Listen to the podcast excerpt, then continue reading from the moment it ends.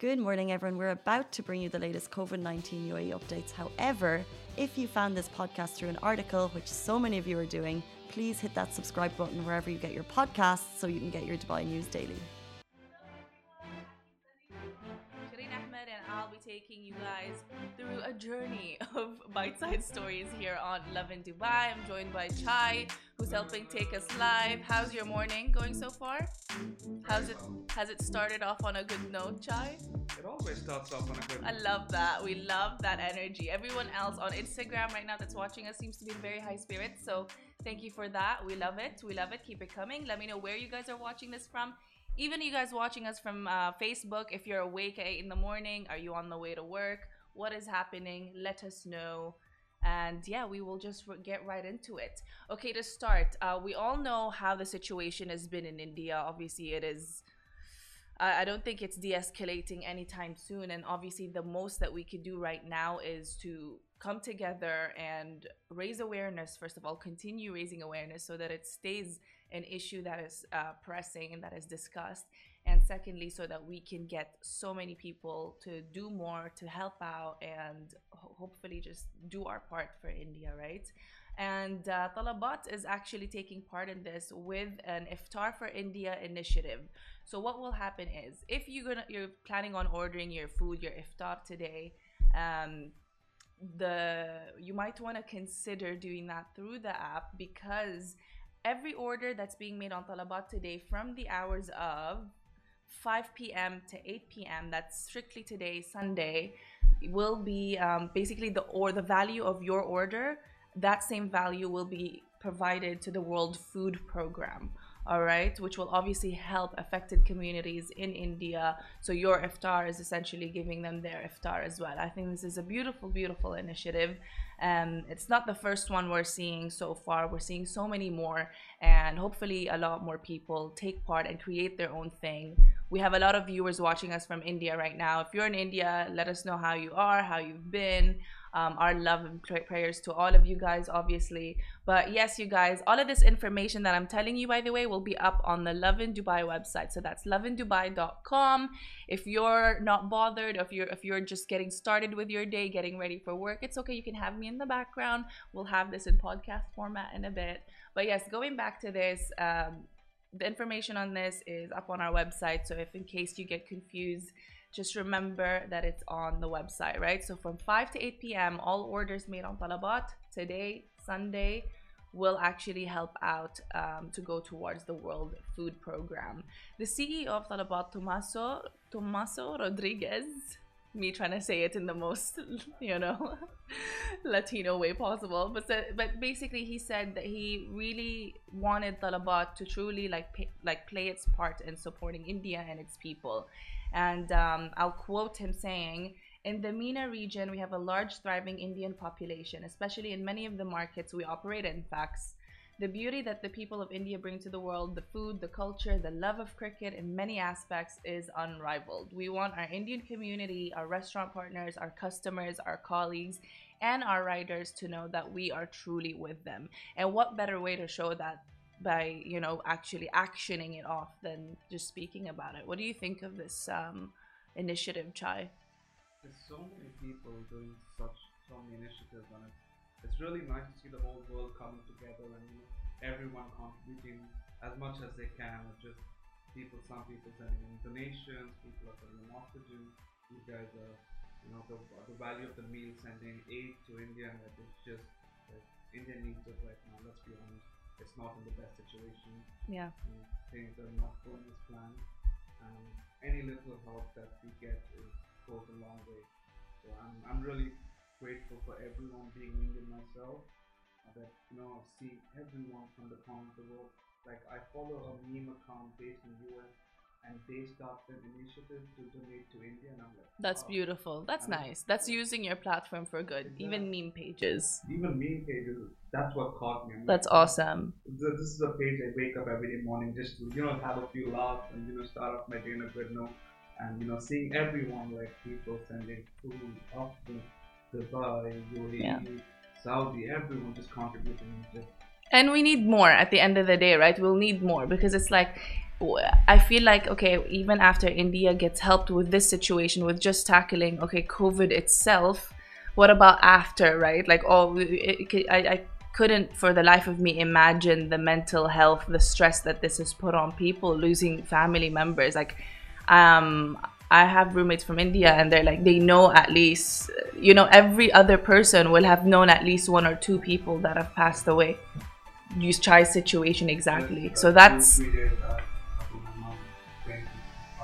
There you go. It's, it's disheartening.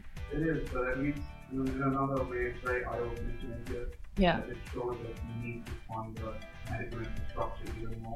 That it's just all the events that happen. It needs to be prioritized. Yeah. It's very eye opening. True.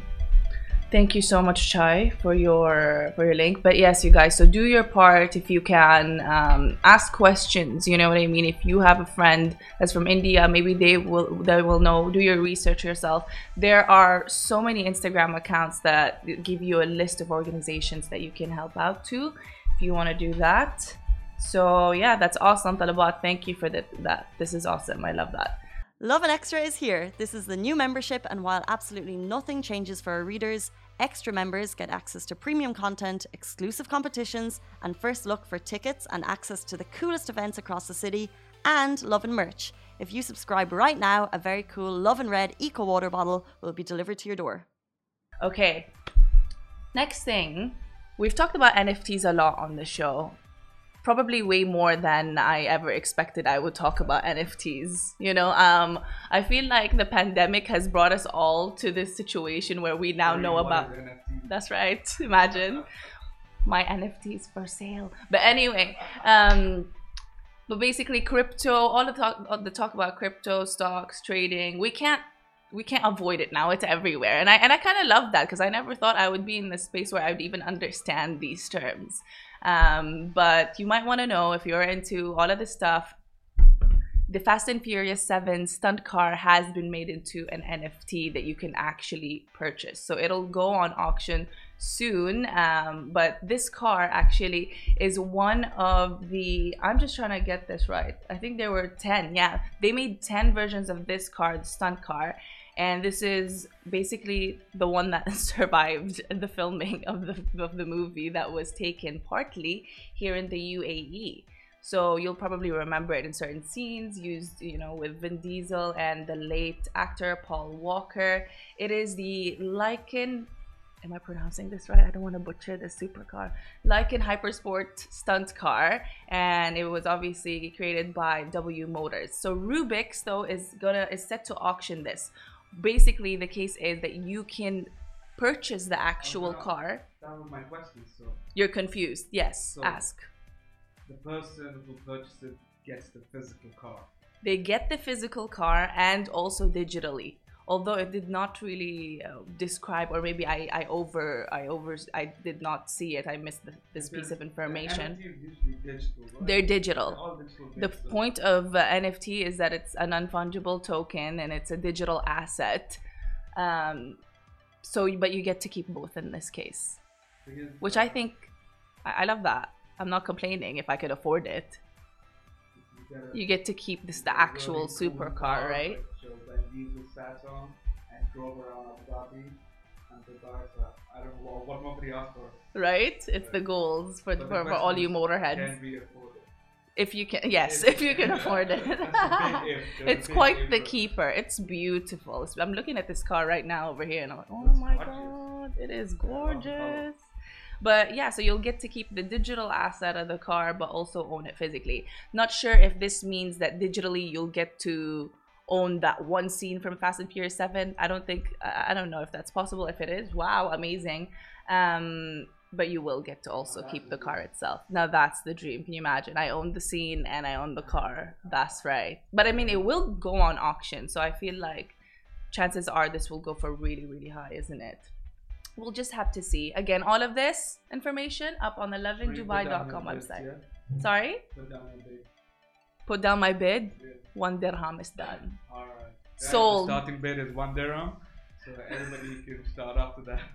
Sold to Shireen Ahmed. All right. And if you have lived in Dubai, you probably know that Michel Mikel Salgado, um, a former football player, Spanish, um, has actually lived in Dubai for quite some time now. And he is said to have received or been granted the UAE passport. All right. He's one of few people to have received this. Um, the other people who um, have been re reported by the FT Times to have received it are Careem's two co-founders and um, the president of Emirates Airlines, Sir Tim Clark, and Etihad Airways CEO Tony Douglas made it to the list too. Um, all of these people mentioned uh, declined to comment on the in the FT article, but according to that article, said that they're actually the first batch in receiving the passports, which is all part of the UAE's um, progressing law, obviously, on expatriates' residencies and whatnot. Recently, we've seen the golden visas being um, obviously handed out and to people you know who who can register for it if you're a doctor a medical a medical professional or someone that plans to invest in the UAE obviously this is all good for the UAE economy in the future and at least it shows that the country is moving towards. I mean, I'm already Bahraini, so as it as it is, I'm 40 minutes away. I feel like that's I'm I'm fine with that. Other people who have contributed to UAE probably deserve it more than Sherry Smith over here. I'm just saying, yeah, like yeah, you're half Bahraini, so like you're pretty much there. I'm, I'm I'm almost there. I mean, no, we don't have the UAEs. You know what I mean? They're they're their esteem, if you will. But we're, we're, we're there. We're there. We're catching up, right, Bahrain? we're catching up.